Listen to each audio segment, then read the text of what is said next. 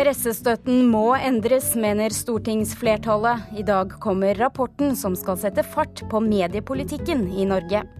Datatilsynet krever foreldresamtykke for barn på sosiale medier. Og publikumssuksessen Petter uteligger er klar med sitt tredje dokumentarprogram denne våren. Det har blitt en livsstil, sier dokumentarskaperen. Ja, dette er noe av det du får servert i dagens Kulturnytt, hvor vi også skal snakke med en ekspert om anken av Johaug-dommen, og hva den kan bety for skistjernens omdømme. Mitt navn er Stine Tråholt, velkommen skal du være. Pressestøtten må endres. Det mener et klart flertall på Stortinget. Denne dagen er svært viktig for norske medier, for i dag så legger Mediemangfoldsutvalget fram sin rapport. Utvalget har brukt halvannet år på å gjennomgå alle norske mediestøtteordninger, og diskutert seg fram til hvordan de mener norsk media skal finansieres i fremtiden. Aviser som i dag nyter godt av pressestøtten, kan gå mye tøffere tider i møte. Og Høyres Kårstein Løvaas skjønner at mediene nå er nervøse. Jeg tror det er veldig mange avishus i Norge som er bekymret. Både for eh, annonseinntekter, for abonnenter og også eh, for pressestøtte. Store deler av Medie-Norge holder pusten før Mediemangfoldsutvalget legger fram sin rapport i dag. Mediene er under sterkt økonomisk press, og spørsmålet er hvordan statlige midler kan bidra til å opprettholde et rikt medietilbud som er til det beste for samfunnet. Og det kan bli store endringer. Kårstein Løvaas, som er mediepolitisk talsmann i Høyre, vil restarte hele ordninga for pressestøtte. Jeg tror det er behov for en kontroll alt delete, og jeg håper at denne eh, rapporten fra eh, Mediemangfoldsutvalget kan være grunnlaget for nettopp den debatten. Han får støtte av både Arbeiderpartiets Arild Grande Produksjonstilskuddet ser vi at det treffer eh, for skjevt. Noen får veldig store tilskudd, mens andre får nesten ingenting. Og Ib Thomsen i Fremskrittspartiet. Vi ser at nå at noen få får mye om, om, selve pressestøtten er forfalt, så i hvert fall fordelinga bør være annerledes. Klassekampen, Vårt Land og Dagsavisen er de tre avisene som fikk mest av den direkte pressestøtta i fjor. Hver av de fikk rundt 40 millioner kroner av en pott på 313 millioner. Den direkte pressestøtta fordeles mellom lokalavisene, nummer to- og nummer tre-avisene i de største byene, og riksdekkende meningsbærende aviser. Eh, det at eh, noen nærmest har gjort det til en forretningsidé å motta pressestøtte, at noen ytterst få stikker av med veldig veldig mye, er jo en av de store svakhetene ved ordningen slik den er i dag. Det sier Kårstein Løvaas i Høyre. Men for Dagsavisen så er pressestøtta et være eller ikke være. Det sier redaktør Eirik Hoff Lysholm. Nei, altså Det er jo et spørsmål om vi altså vi, vi, noe, vi, hadde jo ikke eksistert i dag hvis ikke man hadde hatt en sånn type støtteordning. og Det er jo også viktig å uh, ta med seg dette regnestykket at Klassekampen, Vårt Land, Dagen, Bergensavisen i Tromsø, alle disse avisene som er i en ek ekstra hard konkurranseposisjon målt mot uh, en del andre aviser, ville ikke ha eksistert i dag uten en sånn støtteordning. Om vi overleve med et, et, kutt på det ene eller det andre. Vi er nødt til å tilpasse oss markedet uansett, og så får vi se hvordan det går. Det er ikke bare den direkte pressestøtta til avisene som skal belyses i rapporten. Utvalget skal også komme med innspill på en ny modell for en NRK-avgift, og hvordan TV 2 kan kompenseres. At annonsekroner forsvinner fra norske mediehus til utenlandske aktører, blir av mange regna som et hovedproblem. Og utvalget skal ta opp om Facebook og Google skal skattlegges av staten. Litt av problemet med dagens mediestøtte er at det er for mange ulike ordninger, mener Kårstein Løvaas. Svakheten ved, ved, de ulike ordningene er at noen er på statsbudsjettet, noen er eh, nøytrale som momsfritak, eh, noen er knyttet til en lisens, eh, og de er alle sammen bygget oppå hverandre gjennom ulike tiår for å løse ulike problem. Hadde man skulle brukt 8 milliarder til pressestøtte og mangfold i dag, så hadde man nok tenkt litt annerledes. Jeg tror at vi hadde ikke vært i nærheten av å ha det mediemangfoldet vi har i Norge i dag uten sånne type støtteordninger. Det gjelder jo også NRK-lisensen. Det blir jo akkurat det samme. Jeg tror ikke at det norske mediemangfoldet er i stand til å finansiere seg sjøl. Jeg tror at vi trenger støtteordninger. Så blir det en diskusjon om hvordan man skal fordele det, det er en annen diskusjon. Oddvin Aune hadde laget dette innslaget sammen med Mari Sand Malm. Og utvalgets leder Knut Olav Åmås tror at det er flere ting i denne rapporten som vil skape debatt. Nei, Jeg tror det blir ganske mye, mye saklig og konstruktiv debatt. Vi eh, kommer med eh, en stor mengde forslag, så det er nok å diskutere. Og av konkrete ting. Som, som gjelder hele Medie-Norge, både avisene og kringkasting. I den 200 sider store rapporten så er det mest nytt rundt støtten til de 228 avisene vi har i Norge. Knut Olav Åmås sier at alvoret rundt mediene sin situasjon gjør at det nå virkelig haster med å treffe tiltak. Tempoet i mediepolitikken må, må, kraftig opp. Det har gått for sakte, og nå, nå haster det virkelig. Både, både mediebransje og politikere og offentlighet også har fått et mye større alvor i forståelsen av eh, hva det er vi nå skal ta vare på av eh, journalistikk som samfunnet trenger. Ja, Det sa utvalgsleder Knut Olav Åmås, som også i dag legger fram denne rapporten. Kulturkommentator Agnes Moxnes, hvor viktig er denne utredningen? Det er en viktig utredning, for det er jo riktig som Kårstein Løvaas eh, sa her, at mediepolitikken er, vi har i Norge er fra en helt annen tid. Så det går jo an å, å si at her har politikerne kanskje ikke sovet i timen, men de har iallfall tatt det veldig med ro i timen. For de siste årene så har altså rett og slett medielandskapet endret seg mens vi har snakket. Vi har gått fra papir til nett. Eh, hovedkonkurransen er ikke mellom norske aviser, men mellom norske aviser og utenlandske giganter som Facebook og Google. Annonsekroner forsvinner ut av, landet, og samtidig så har det altså da skjedd veldig lite med statens tanker om hvordan man kan sikre en god og offensiv eh, mediepolitikk i dette landet.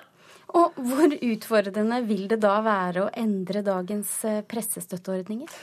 Eh, det, de største, altså de fleste aktørene i det norske medielandskapet er representert i det utvalget som legger fram rapporten sin i dag. Og jeg er veldig spent på å se hvor samlet eh, de er.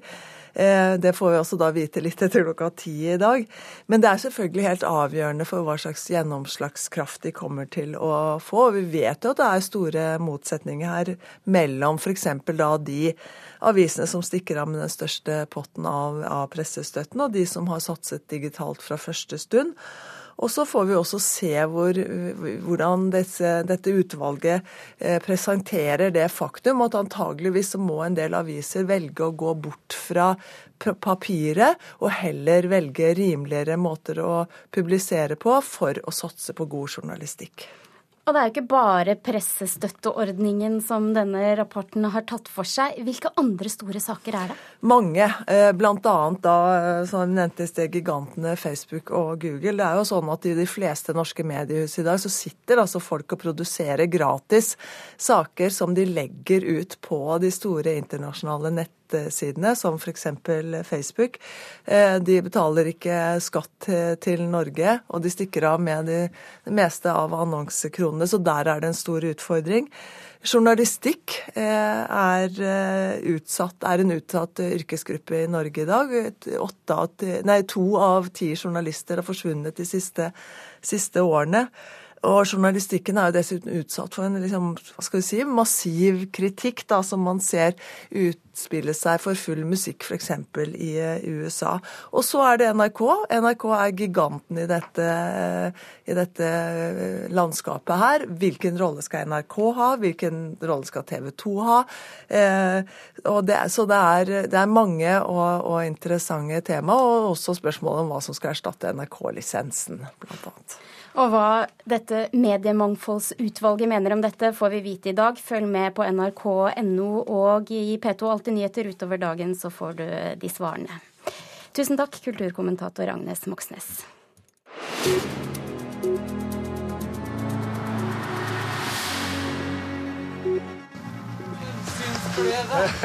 Nissen, jeg har gått for å lete etter Jeg klarer å rote det bort. Jeg prøvde å ringe deg. Telefonen ligger til lading, for faen! Da, da lager... Jeg har vært på andre, helt på den andre sida. Har du vært på stranda? Jeg vet da faen hvor jeg har vært, Jeg, Jeg så jo Sverige på andre sida, og så gikk jeg langt pokkervoll av gårde.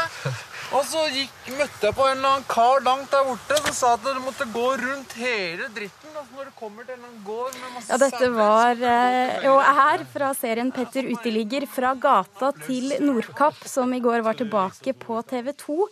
Det er Petter Nyquist, dokumentarfilmskaper som mange kjenner som Petter Uteligger. Den første serien han laget, der tilbrakte han 52 eh, dager på gata i Oslo sentrum og, det, sentrum, og det ble en kjempesuksess. Med 700 000 seere og publikumspris og pris for beste dokumentarserie under fjorårets Gullruten.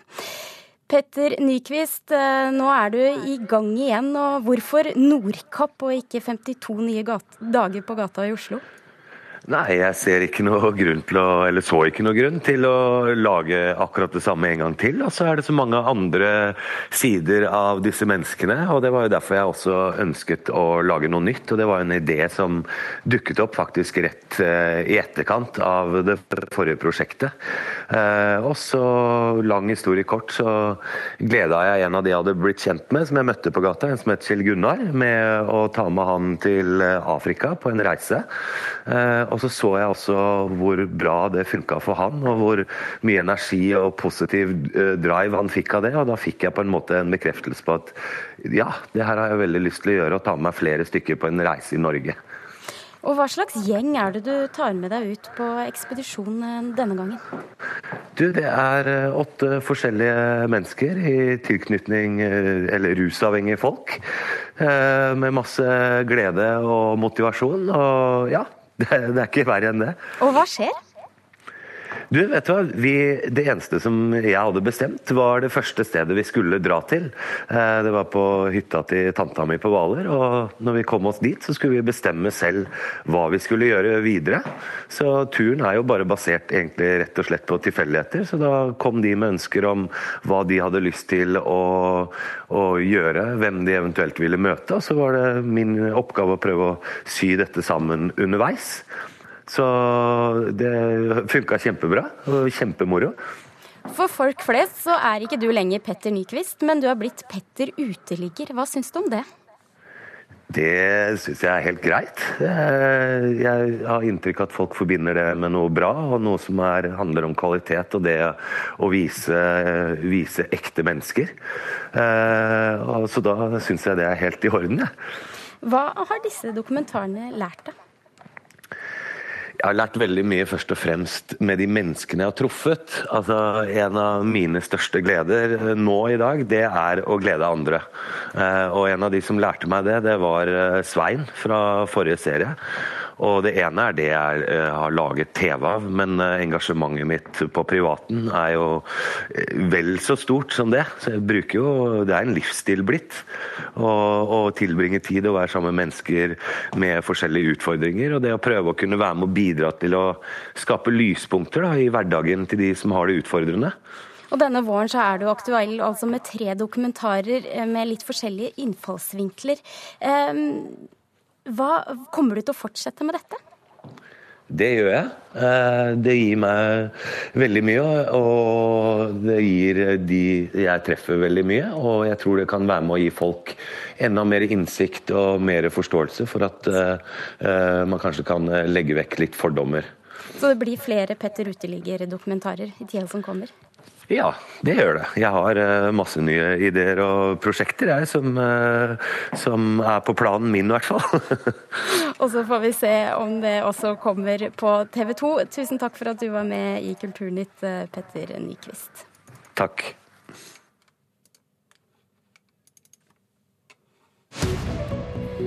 Og da har klokken blitt 17 eh, minutter over åtte, og du hører altså på Kulturnytt i Nyhetsmorgen, og dette er nyhetsoverskriftene nå.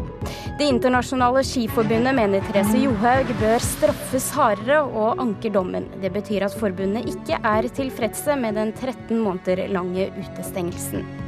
Det er alvorlig svikt i barnevernet i mange kommuner. Bekymringsmeldinger blir ikke behandlet på en god nok måte, viser egenmeldinger og tilsyn fra fylkesmennene og Helsetilsynet. Og den siste måneden har 75 000 flere blitt dårligere betalere her i landet. Data- og analyseselskapet Bisnode mener at økt kredittgjeld er noe av forklaringen.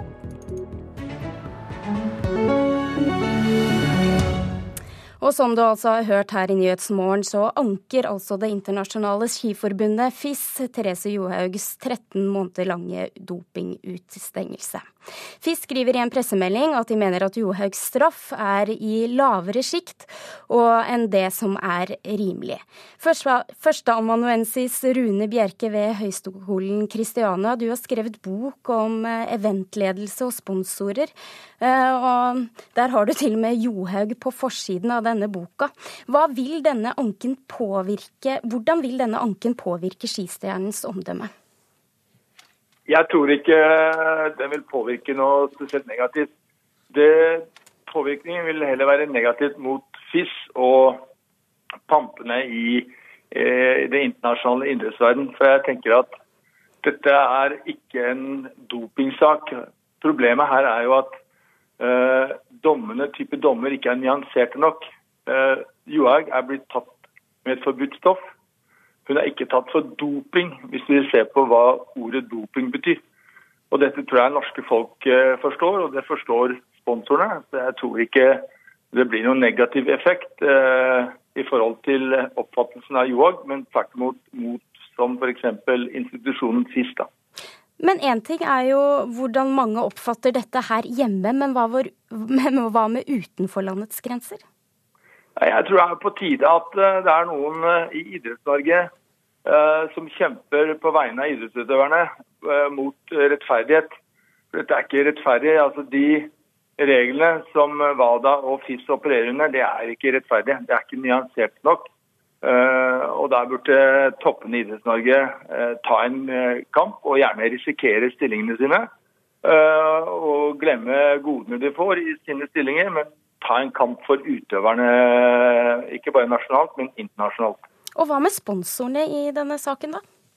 Jeg tror sponsorene, i hvert fall eh, de som forvalter sponsoratene her hjemme i Norge Nå har jo Fischer trukket seg, men uh, sponsorene de har en klar formening. og tror jeg tenker også i de baner at dette er ikke snakk om doping. Hun har jo heldigvis blitt tatt med et forbudt stoff i, i kroppen. Eh, men eh, dessverre så handler det om bare én kategori, og det blir da en dopingsak i henhold til de gjeldende regler. og det forstår sponsorene, så jeg tror de slutter seg om eh, Johaug uansett. Tusen... Det tror jeg de gjør med det rette. Tusen takk for at du var med i Kulturnytt, Rune Bjerke, som er førsteamanuensis ved Høgskolen Kristiania. Datatilsynet vil ha slutt på at barn under 13 år kan lyve på alderen når de registrerer seg på sosiale medier som Snapchat og Instagram. Løsningen på det er at registreringen godkjennes av foreldrene. For til tross for at appene selv har operert med en 13 års aldersgrense, så har det ikke eksistert et norsk lovverk som har regulert dette. Og neste år skal, så skal et lovverk være på plass i alle EU- og EØS-land. Og barna NRK har snakket med, synes det er bra at det nå kommer tydelige norske aldersgrenser. Ja, det syns jeg virkelig. For hvis det ikke hadde vært noen aldersgrenser, og da, hvis det ikke hadde vært noen, så kunne liksom, de som er liksom under fem og noen hadde vært helt gærne og liksom gitt det til de. Jeg synes kanskje 13, fordi da skjønner man liksom mer eh, hva som eh, er greit å legge ut. Når du lager en konto på et sosialt medium, så gir du fra deg informasjon om hvem du er. De vet hvor gammel du er, hva du heter og ofte hva din e-postadresse og telefonnummer er. Etter hvert legger du ut bilder og oppdateringer som sier noe om hvem du er. Denne informasjonen kan selskapene tjene store penger på å selge videre, men EU mener at barna skal beskyttes fra å måtte gi fra seg slik informasjon. Jeg er på Instagram så litt sånn på Musically. Selv om egentlig ikke det, jeg vet ikke om det er en sosial medie. Så jeg skal, jeg skal få Snapchat, men jeg har ikke brukt den ennå. Flere av de sosiale mediene som Theodor nevner, har ifølge appene sjøl ei 13 års aldersgrense. Direktør i Datatilsynet, Bjørn Erik Thon, har klare anbefalinger til politikerne før lova skal skrives. Eh, ja, om ett år så skal det innføres en aldersgrense for når man kan bli medlem av Facebook eller Snapchat eller Instagram eller hva det er for noe. Og vi anbefaler at barn skal få lov til å bestemme sjøl om de skal bli medlem når de er 13 år. Men hvis de er yngre enn det, så skal foreldrene være med og bestemme. Altså vil Datatilsynet legge seg på aldersgrensa som appene sjøl har sett. Forskjellen fra i dag er likevel at de må gjøre noen endringer for å tilpasse seg ei eventuell ny lov i Norge. Nå vil Datatilsynet at foreldre skal gi sitt samtykke, altså sier ja eller nei før de som er under 13 kan registrere seg. Så da må du jo gå og eh, snakke med mor og far, og eh, så må jo Facebook eller Snapchat eller hvem som helst lage en eller annen løsning, sånn at eh, de får tak i foreldrene, sånn at de kan si ja eller nei. Så det er rett og slett opp til Facebook og Snapchat og alle de andre å finne ut hvordan de skal sørge for at foreldra sier ja. Ja, Reportere her var Katrine Nybø og Kristin Granbo. Torgeir Waterhouse eh, i IT-næringens interesseorganisasjon IKT Norge. Vil dette fungere i praksis? Ja, det er eh, nok veldig komplisert. Eh, fordi du må da, som det ble sagt i saken her også, finne en måte å verifisere hvem som er foreldre og hvem som ikke er det. Og, eh, og, den type koblinger, den type sammenhenger mellom mennesker, er både vanskelig å verifisere i seg selv, og kan også utløse en del problemer dersom man skal begynne å jobbe med. Altså, det er jo Senest i dag avdekket en sak hvor Norsk idrettsforbund har basert seg på at eh, folk med hemmelig adresse skulle varsle det lokale idrettslaget, så ikke de skulle kunne bli funnet i databasene deres. Så det er, sånn, det er mye sensitiv informasjon der ute om folk, og det å lage koblinger i alle retninger kan være problematisk. Samtidig så er det klart det at eh, barn nede i 9-10 års alder skal ikke nødvendigvis være på sånne nettjenester uten foreldres samtykke og godkjenning. Så på ene siden så kan det, kan det være at dette vil fungere. På andre siden, det vi trenger mest av alt, det er foreldre som er mer til stede. Men et lovverk som nå da kommer til eh, neste år i hele EU og EØS, trengs det? Ja, altså det er mye bra med det lovverket som kommer. Det er viktig å få felles regler. Det er viktig å få dette på plass. Det er veldig bra at Datatilsynet i Norge anbefaler at vi fortsetter med 13 år som inngangspunkt. Mange har ment vi skal ha 16 år, som ville vært egentlig en liten katastrofe. Hvorfor det? Nei, altså, tenk deg 15-åringer, 15 snart 16-åringer, som må få lov, lov, av mamma og pappa eh, å delta i et sosialt nettverk for å diskutere problemstillinger i livet sitt som kanskje handler om nettopp mamma og pappa. Dette handler om å kunne delta i samfunnet, det handler om barnekonvensjonen, det handler om retten til å, til å være et individ. Og Det er helt opplagt at det er mye ting som, hvor foreldrene skal være involvert. Men eh, det er ingen som forventer at foreldrene skal godkjenne at du ringer et, eh, et, eh, et offentlig kontor eller helsesøster eller politiet for å snakke om noe eller spørre om noe.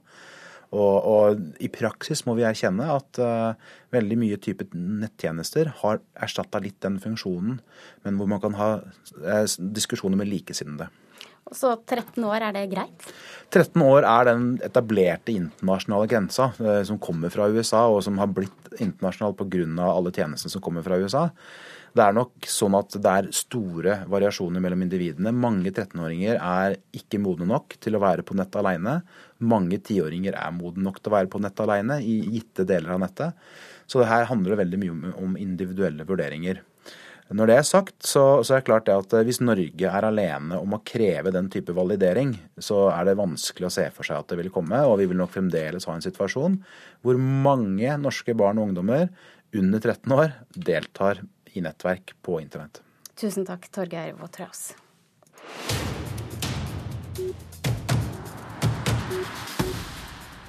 Hva betyr det å være amerikaner i det 21. århundre?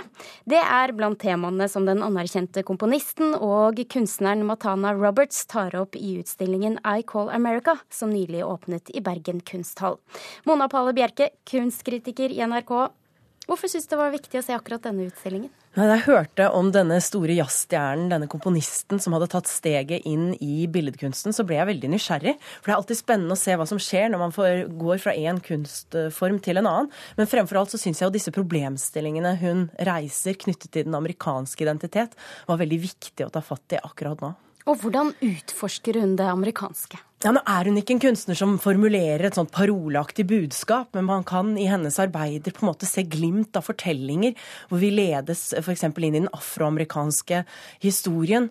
Eh, men, og hun tegner også opp et bilde av et rikt og veldig mangfoldig og mangefasettert Amerika, eh, hvor man får nettopp følelsen av denne smeltedigelkvaliteten, og også dette at det er en nasjon bestående av innvandrere. Og det er jo en så viktig eh, påminnelse nå, i en tid hvor den amerikanske amerikanske presidenten snakker om å bygge murer og stenge folk ute. Og rent konkret, hva blir resultatet av dette? Ja, Hun skaper jo en multimediainstallasjon som er som en stor romlig kollasj bestående av klanger, rytmer, former, farger, støy, eh, bilder og stemmer. Og det er veldig flettet sammen. Hun snakker jo om, eh, gjerne om arbeidene sine i tekstile termer, som quilts eller vev. Og det er noe veldig tekstilt, enten hun jobber musikalt eller eh, visuelt. Hun skaper Hun har da store, løse lerreter hengende på veggen, som er, hun har malt på med store, uvørne penselstrøk i skinnende gult, i rødt og i svart. Hun har bearbeidet lerretene, limt på fragmenter av gulnede eh, fotografier. Og det er en sånn energi og en sånn rå uttrykkskraft i disse arbeidene. En veldig, veldig sterk musikalitet. Og det er helt umulig å skille bildene fra musikken. Det er jo også eh, musikk og levende bilder. Vi har faktisk et lite lydklipp. Vi kan høre litt på det. Oh, what do we try? so hard because we should. All is written in the cards, the price rolls by the seaside. Hun har status som jazzstjerne, men er kunstverkene interessante uavhengig av denne statusen? Så helt definitivt. Det er lett å legge kjendisen til side, men det er veldig vanskelig å skille henne som musiker fra henne som kunstner, for det er helt holdent vevet sammen. Det er to sider av samme sak, og det er det aller mest fascinerende ved dette prosjektet. At det er helt sammenvevet. Og det har blitt bra? Ja, det er helt fantastisk. Dette er en, en, utstilling jeg anbefaler på det aller varmeste. Og den finner du i Bergen, på Bergen kunsthall. I Call America heter utstillingen. Produsent for Kulturnytt er i dag Gjermund Jappé. Nå fortsetter Nyhetsmorgen. Først får du Dagsnytt her i NRK P2 og Alt nye nyheter. Og du kan også følge med på nrk.no utover dagen for å høre hva Mediemangfoldsutvalget har kommet fram til i sin rapport som legges fram i dag. Men nå altså klokken nærmer seg halv ni og du får Dagsnytt i NRK P2 og Alltid nyheter.